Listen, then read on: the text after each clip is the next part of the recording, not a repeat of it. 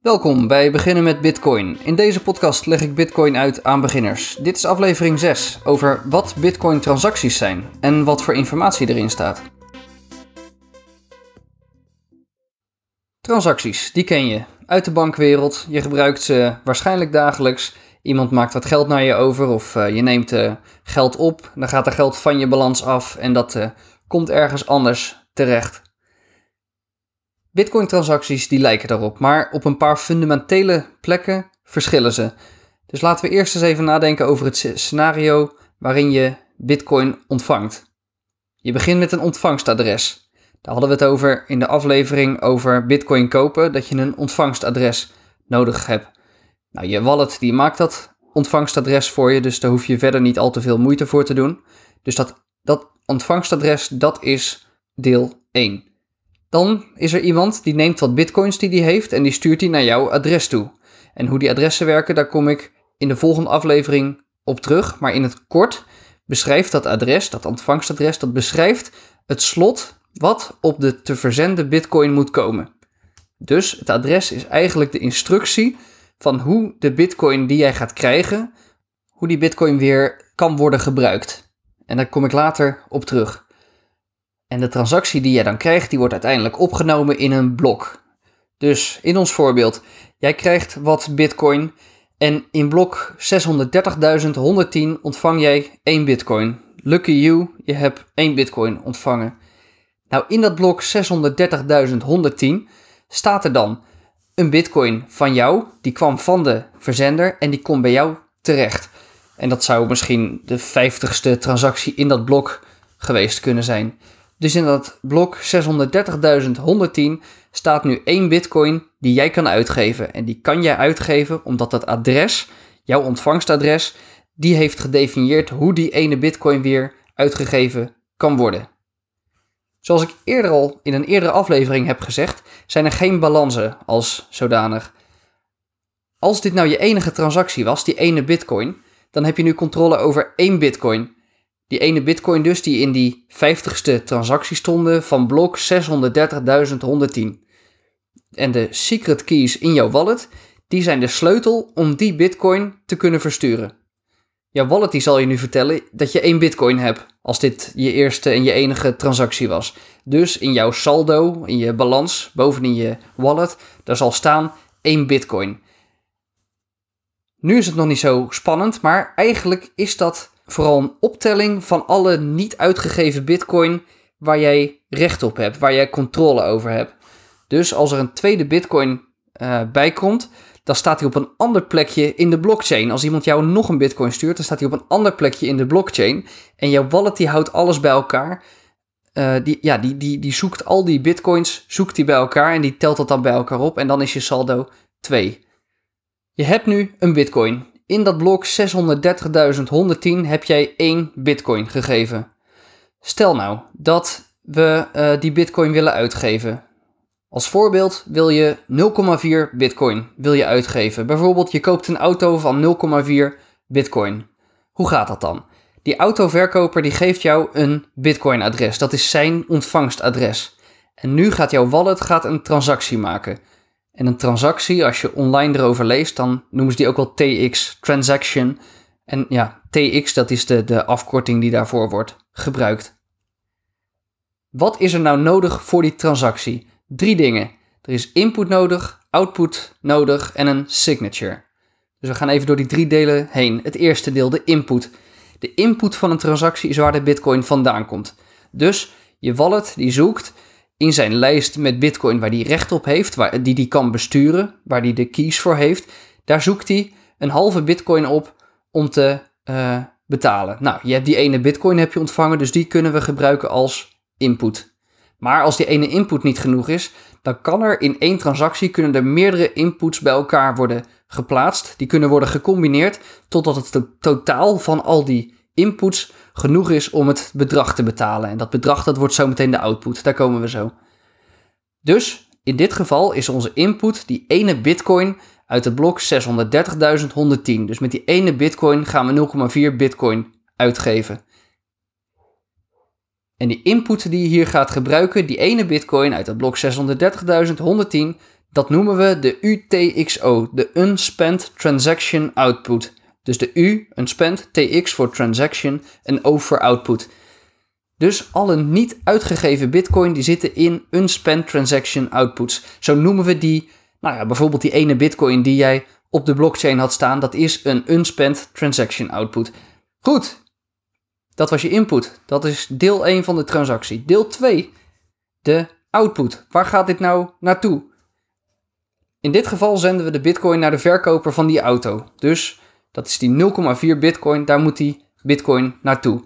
Dus van die ene bitcoin in de input gaan we de eerste output maken. De eerste output, dat is die 0,4 bitcoin. Dat wordt gezegd, ja, simpel gezegd, gaat dat naar het adres van die autoverkoper toe. Dat is de simpele uitleg en iets complexer. Die output wordt technisch gezien, uh, ja, wordt dat weergegeven in code als 40 miljoen Satoshi. En als we even terugdenken, die Satoshi, dat was die allerkleinste rekeneenheid um, waar, waar Bitcoin in opgedeeld kan worden. Dus eigenlijk geef je al 40 miljoen uit. Ja, dat is vrij duur uh, voor een auto. En ten tweede, in die output, het wordt technisch gezien niet letterlijk naar dat adres gestuurd. Dat is niet letterlijk wat er gebeurt.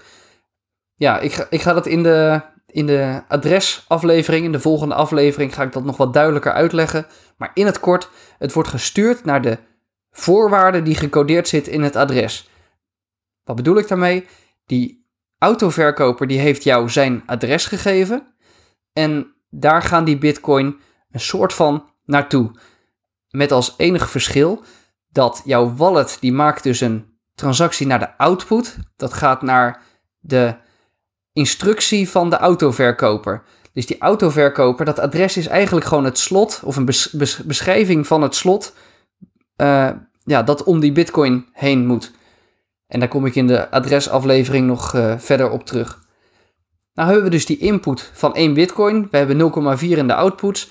Dan hebben we nog 0,6 bitcoin over. Want je moet altijd de transactie volledig uitgeven. Dus die oude transactie, die ene oude bitcoin, daar kan je niet een deeltje van uitgeven. Die moet, altijd volledig worden uitgegeven.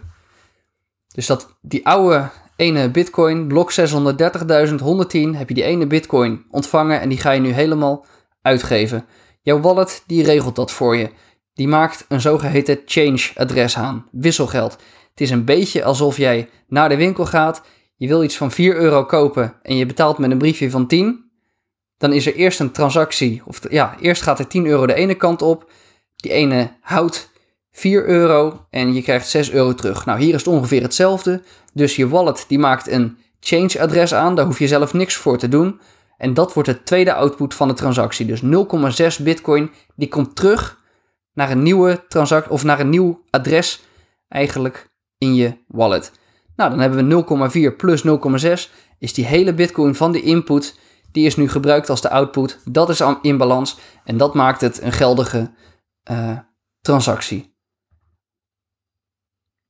Dus we nemen één input, één UTXO, die ene input van die ene bitcoin, dat is onze input. En de output van deze transactie worden twee nieuwe UTXO's, twee nieuwe unspent transaction outputs, namelijk die 0,4 die de autoverkoper straks kan uitgeven en 0,6 die je zelf weer kan uitgeven straks. Nou, op zich hebben we nu een complete transactie. Maar we willen ook dat die transactie wordt meegenomen in een blok, in het volgende blok. We hebben die miners nodig. Die miners die ga ik nog op terugkomen. Maar we willen dat die miners jouw transactie mee gaan nemen. En we hebben nu nog geen fees erin gezet, nog geen transactiekosten. En de fees die een miner kan nemen, de, de fees die een, uh, een miner zich kan toe-eigenen, dat is het verschil tussen de input en de output. Nou, die is nu nul. Want we hebben die ene bitcoin als input en die 0.4 en 0.6 als output is weer één bitcoin bij elkaar. Dus het verschil tussen de in- en de output is precies nul. Om die transactie dus uh, een fee mee te geven, moeten we zorgen dat die ongelijk wordt.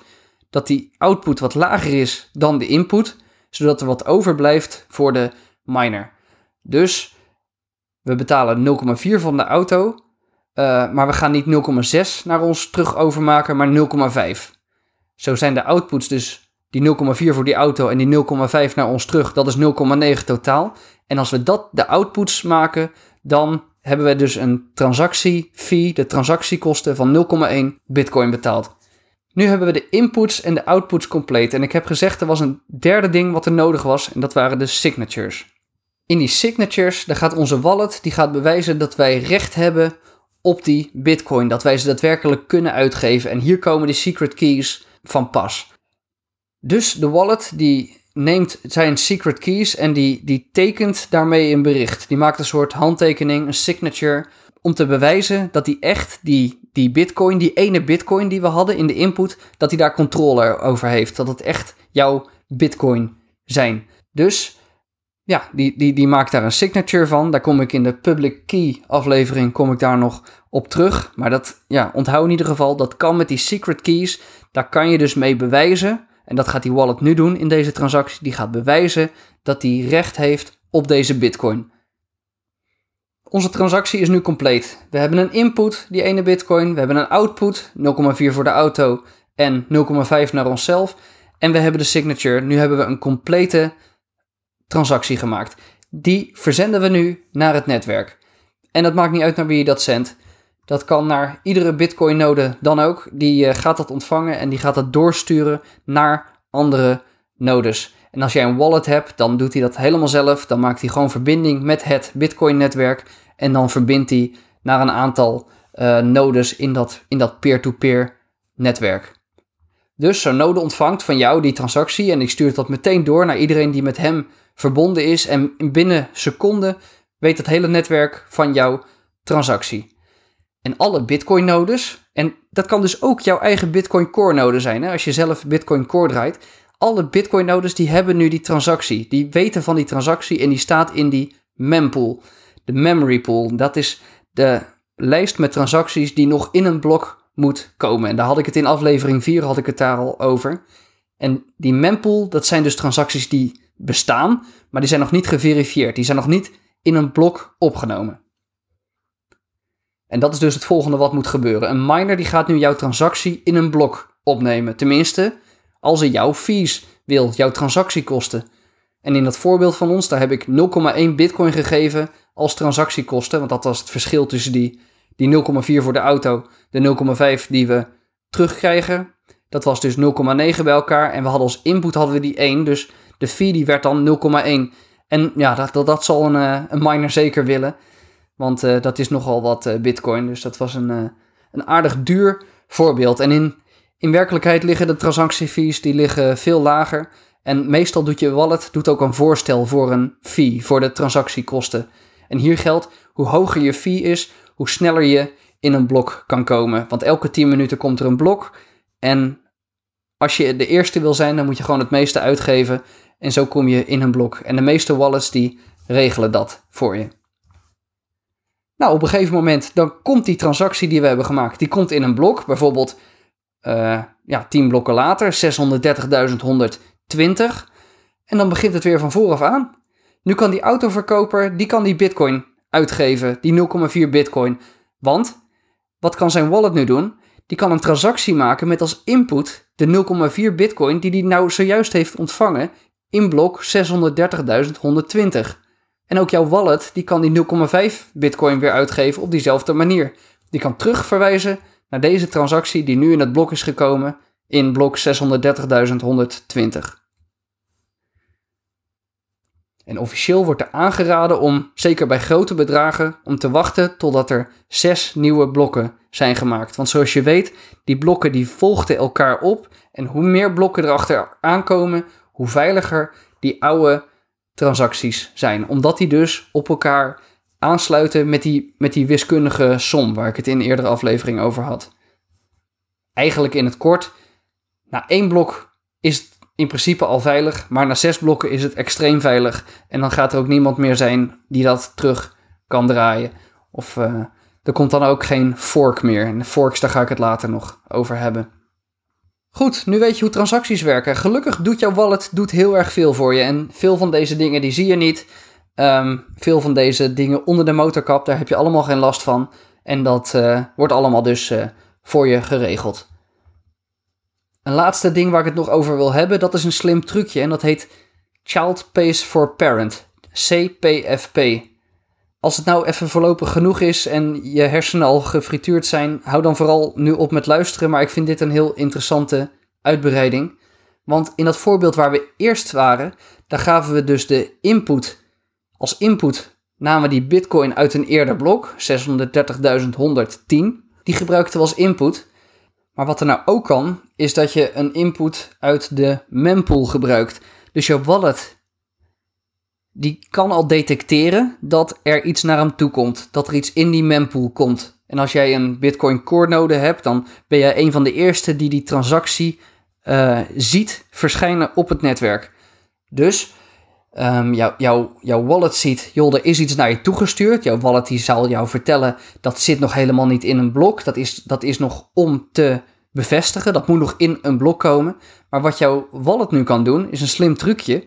Die kan die nog onbevestigde transactie, die kan hij alweer gaan uitgeven. Dus hij neemt als input van een nieuwe transactie, neemt hij de transactie uit de mempool. En die gaat hij dan uitgeven. Nou, die stuurt hij misschien weer naar een ander adres. En als je hier nou wat meer fee bij zet, wat meer transactiekosten, dan gaat die, ja, dan, dan willen de miners, die willen die nieuwe transactie willen ze opnemen. Maar om die nieuwe transactie op te kunnen nemen, moet die oude transactie ook bestaan. Dus misschien kreeg je, uh, misschien ben je nu een transactie aan het uitgeven die jouw wallet dus zou gaan krijgen. Die was nog niet bevestigd, omdat er misschien heel weinig uh, fee, heel weinig transactiekosten bij zaten. Maar als je die nu meteen gaat uitgeven met een hogere fee, dan gaan de miners gaan die willen. Die willen dan die hoge transactiekosten hebben en, dat, en dat ook dat kleine beetje van die eerdere transactie. En dat kunnen ze dan doen. Met als voorwaarde dat dus die hele link weer klopt.